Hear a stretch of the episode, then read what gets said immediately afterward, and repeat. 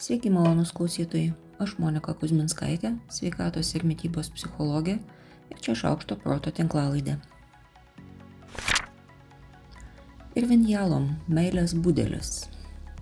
Pamenu, kai dar mokiausi psichologijos universitete, vieną iš paskutinių pavasario semestro dienų užlipau į biblioteką gražiaisiais laiptais iki pat trečio aukšto su psichologijos knygomis ir išėjau nešina glėbių jalomo.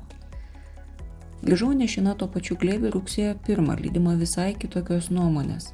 Pamenu, kad kurį laiką atskalūniškai priešinausi kiekvienam, o jūs skaitėt jalomą, nes man atrodo, kad čia kažkas, kam turėčiau priešintis. Na, Mano vidinis povas nuo tada tapo gerokai santūresnis, o nuomonę apie Jalmą pakeičiau jau perskaičius pirmąją knygą. Knyga tikrai unikalaus žanro, ypač gerai atsakant į klausimus tiem, kas malsauja apie psichoterapeuto kabinete vykstančius procesus, kurie nuogastauja dėl jų ir gal dėl to niekaip nesiryšta užsiregistruoti, arba tiem, kurie įsivaizduoja, kad žino procesą, Ne, dažniausiai iš jį netiksliai vaizduojančių filmų, todėl jau yra nusprendę, jog terapija ne jiems. Čia linkėjimai nuo mano povo jūsų povui. Negaliu išskirti nei vienos labiausios iš visų knygų, kadangi taip dažnai kalbam apie meilę ir taip retai sutarėm dėl to, ką su ją daryti, ši knyga tikrai geras pasirinkimas. Ir Vinjalom meilės būdelis. Vienas iš dalykų, kurį kognityvinės elgesio terapijos specialistai moko žmonės, yra problemų sprendimas. Sakysit, kas nemoka spręsti problemų. Ogi daug kas. Stebėtinai daug žmonių bejėgiškai sustoja tik supratę, kad šią pat akimirką patiria bet kokią didelę ar mažą problemą, negalėdami nei ištarti jos vardo, nei pajudinti mažojo pirštelio nago galiuko, kad nustotų tiesiog į ją spoksoti. Na, po tokios gal ir dramatiškos įžangos keletas tiesių ir šviesių žingsnių tolyn nuo problemos, o tiesą sakant, keurai tą tamsų debesį ir tolyn į šviesą. Įvardinkit problemą. Kas yra tas baubas tamsiame kampe, kuris priverčia jūs sustingti? Įvardinkit, kas konkrečiai yra negerai, kada tai nutinka, kas yra problemos jungikliai arba trijeriai angliškai, kaip jie verčia jūs jaustis, kokios mintis jums kyla, kas sunkiausia patiriant šią problemą, ką jie jums reiškia čia ir dabar. Toliau. Surinkit daugiau duomenų. Ar jūs vienas toks su šia problema, ar kiti žmonės ją patiria, kaip jie ją patiria, kaip jie apie ją pasakoja, kaip jie sprendžia. Gal apie tai yra knygų ir filmų, protingų knygų ar kvailų žurnalų. Kas galiausiai yra pagrindinė problema sukelianti priežastis. Ar tikrai prisikasėt iki jos šaknų, klausėt ir klausėt kodėl, kol nebeliko ką atsakyti. Toliau. Imkite pieštuką ar klaviatūrą ir užrašykit visus galimus sprendimus, nesvarbu ar jie protingi, ar kvaili, ar fantastiški, ar labai jau įtartinai, lengvi ir paprasti. Jeigu niekaip negalit pradėti, imkite ir užrašykit laimėti aukso puodą, nes jis sprendžia beveik visas problemas. Ir užrašykit nedaryti nieko, nes taip visada galima daryti. O ką dar gali daryti jūs? O ką gali daryti kitas jūsų vietoje? Ką darytų Afrikos savanų gyventojas, žvėjys iš Norvegijos, Anglijos karalius ar kas nors panašesnis į jūs? Tada išsirinkit geriausią sprendimą. Surušiuokit viską, ką užrašėt pagal realumą ir veiksmingumą. Išbraukykit, kas netinka, išsirinkit po vieną patį netinkamiausią, kol liks pats tinkamiausias. Jeigu jau jaučiat, kad užsivėlėt su apmąstymais, papasakokit draugui ar draugiai. Galima įsivaizduojamam. Būtinybė pasakyti dalykus garsiai automatiškai suškuoja mintis, todėl minčių eiga pačiam galvotojai pasidaro aiškesnė. Toliau apgalvokit veiksmų planą. Kokie pasirinkto sprendimo žingsniai, kas jums padės siekiant sprendimo, kokios pagrindinės rizikos ir kliūtis, kaip su tomis kliūtimis dorositės, jei su jomis susidursite. Pažadėkit savo, kad jeigu susidursit su nenumatytomis kliūtimis, kas yra visiškai normalu, Leiskit savo ramiai atsitraukti ir sugalvoti, ką daryti toliau. Na ir galiausiai, veikite. Taip, dabar jūs pasiruošę griebti problemų už ragų ir atsikratyti jos visiems laikams. Nepasiduokit ir nesustokit, kol netliksit visko, ką numatėt. Reguliariai sustokite ir įvertinkite, ar jums sekasi. Ar sužinojate kažką naujo, kas jums gali padėti arba trukdyti. ar reikia pergalvoti savo žingsnius. Jeigu reikės, kartokit viską iš pradžių. Jeigu reikės, paspauskit įsivaizduojamą ranką neišsprendžiamiam dalykam ir apgalvokit, kaip su jais gyventi. Na, bet čia jau apie susitaikymą, ne apie problemų sprendimą. Problemos yra tai, kas išsprendžiama. Kitkas yra gyvenimo apribojimai, spalvos ar neišnaudotos galimybės. Viskas, ate problemos.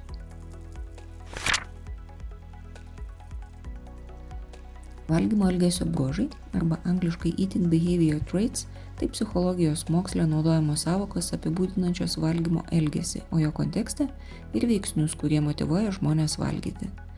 Labai mėgstu tokį požiūrį, nes jis visada vertina kiekvieną tai komplikuotą, nes komplikuota teisingumo struktūra visada geriau už komplikuotą chaosą, kai kalbam apie žinias. Taigi šiame tyrimė nustatyta, jog 18 dažniausiai įvardyjamų valgymo elgesio veiksnių gali būti grupuojami pagal keturias latentinių faktorių sritis. Reaktyvinis valgymas, kai valgom reaguodami į stiprų alkį. Ribojamas valgymas, kai vengiame įvairių produktų, patiekalų arba ribojam valgymą laikę. Emocinis valgymas, kai siekia maistų reguliuoti nepriimtinas ar diskomfortą keliančias emocijas. Ir homeostatinis valgymas, kai valgom tam, kad papildyti energijos atsargas. O jeigu jūs daug negalvodami rinktumėtės, kuris valgymo tipas jums būdingas, kuris pasitaiko dažniausiai - reaktyvinis, ribojamas, emocinis ar homeostatinis.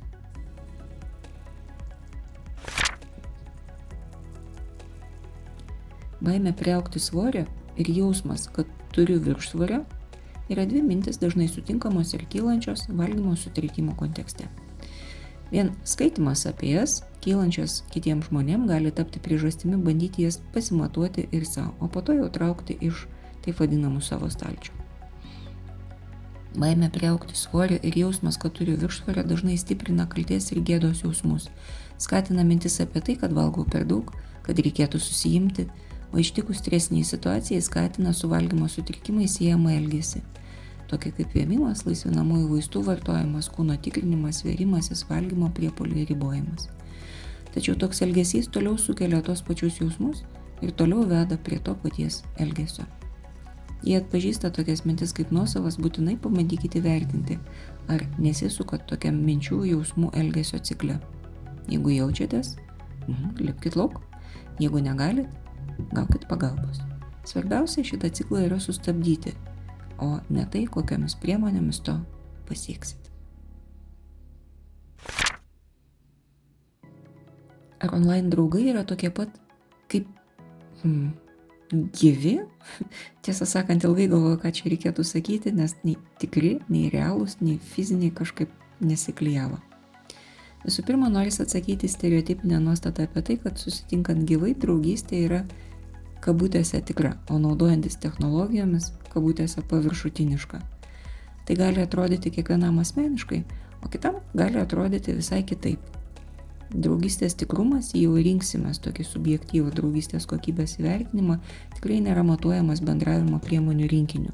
Tai taip subjektyvu, kad neturėtų būti net minties apie tai, kad kažkokie būdai yra universaliai tikri, teisingi, prasmingi ar panašiai. Kaip kam tinka.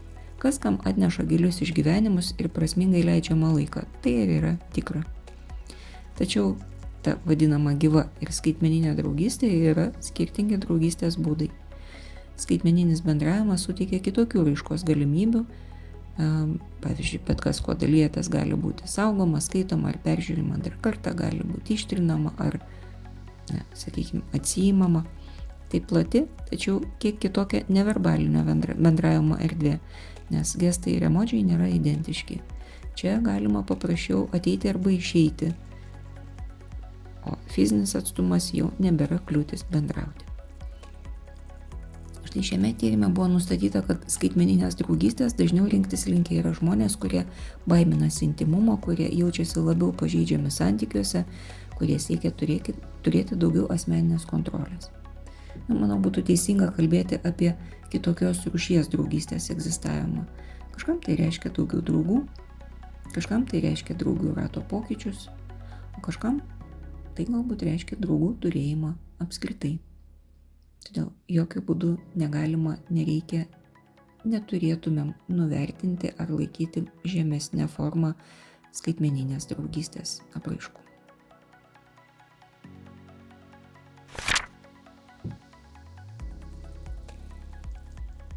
Žiaurinimas ir privalinimas. Oi, nepagirs manęs vidinis Jablonskis už šitos terminus, tikrai nepagirs. Labai mažai godžia tik tai, kad angliškai šie žodžiai irgi skamba, nu taip, šiaip savo. Awfulizing ir musting.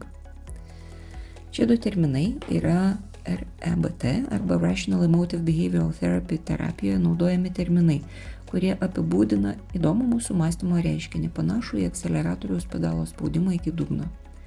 Jeigu kažkas bus nors šiek tiek blogai, mes paverčiam tai į katastrofą, į kažką, kas bus žiauriai blogai. Jei turim mažiausią plauką nenoro kažką daryti, bet sąlygos sako, kad padarius bus geriau, tai virsta pareigų pareiga. Privalau tai padaryti, trūks, plyš. Patyrinėkim, kiek tokių automatinių, automatinių minčių nešiojamės ir kiek mums jos padeda. Imkim savo jau mėgstamą tuščią lapą ir ekraną ir rašykim. Bus žiauriai blogai, jeigu. Ir įrašykit tai, kas tik ateina į galvą. Tinka viskas nuo išdyks pogas ant veido iki prasidės karas. Tarp arba šalia sakinių palikim vietos komentaram Kai jau visi košmarai vardinti, daugiau nebesugalvojam, šalia rašykim, kas konkrečiai bus blogai, iš ko tai suprasim. Ar išvados bus patikimos. Ar galim ką nors padaryti su šia situacija. Jeigu taip, tai ką? Ar esam taip patyrę iš tiesų? Jeigu ne, tai iš kur tada žinom, kad tai bus? Beje, bijau, kad tai bus, nėra nei faktas, nei įrodymas ir ne viskam, ko bijote, galima priskirti katastrofos vertinimą. Galiausiai turėtumėm gauti skalę nuo tikrai baisių dalykų, kuriem ne tik galima, bet ir reikia ruoštis, iki tariamų katastrofų, apie kurias neturėjom laiko pagalvoti, bet jom užtenka tik na ir kas atsakymą. Galvoje nuo to turėtų atsirasti daugiau vietos. O toliau rašykim. Aš privalau. Taip pat įrašykim tai, kas šauna į galvą, nuo privalau įėjusi kambarį pasisveikinti iki padėti kiekvienam sutiktam išmaldos prašančiam. Lygiai taip pat palikim vietos. Kai jau visos pareigos bus įvardintos, šalia rašykim komentarus. Ar tikrai privalau? Kas man sukūrė tokią pareigą? Kas bus, jei ne visada taip darysiu? Kaip nuspręsiu, kada darysiu, o kada ne? Kas ir kokios naudos gauna iš tokio mano elgesio? Ar yra kitokių būdų elgtis tokioje situacijoje? Galvoje nuo to taip pat turėtų atsirasti daugiau vietos. Šiai savaitėjai tiek. Aš Monika Kuzminskaitė, sveikatos ir mytybos psichologė, padedu spręsti kasdienius ir sudėtingus elgesio, mąstymo ir emocijų klausimus. Rašau, skaitau paskaitas, teikiu psichologinės konsultacijas. Mane rasit socialiniuose tinkluose vardu Šaukštas Proto arba gyvai Vilniuje Goštauto gatvėje. Rašykit man asmenę žinutę socialiniuose tinkluose arba elektroniniu paštu adresu šaukštas.proto gmail.com. Taikos ir ramybės.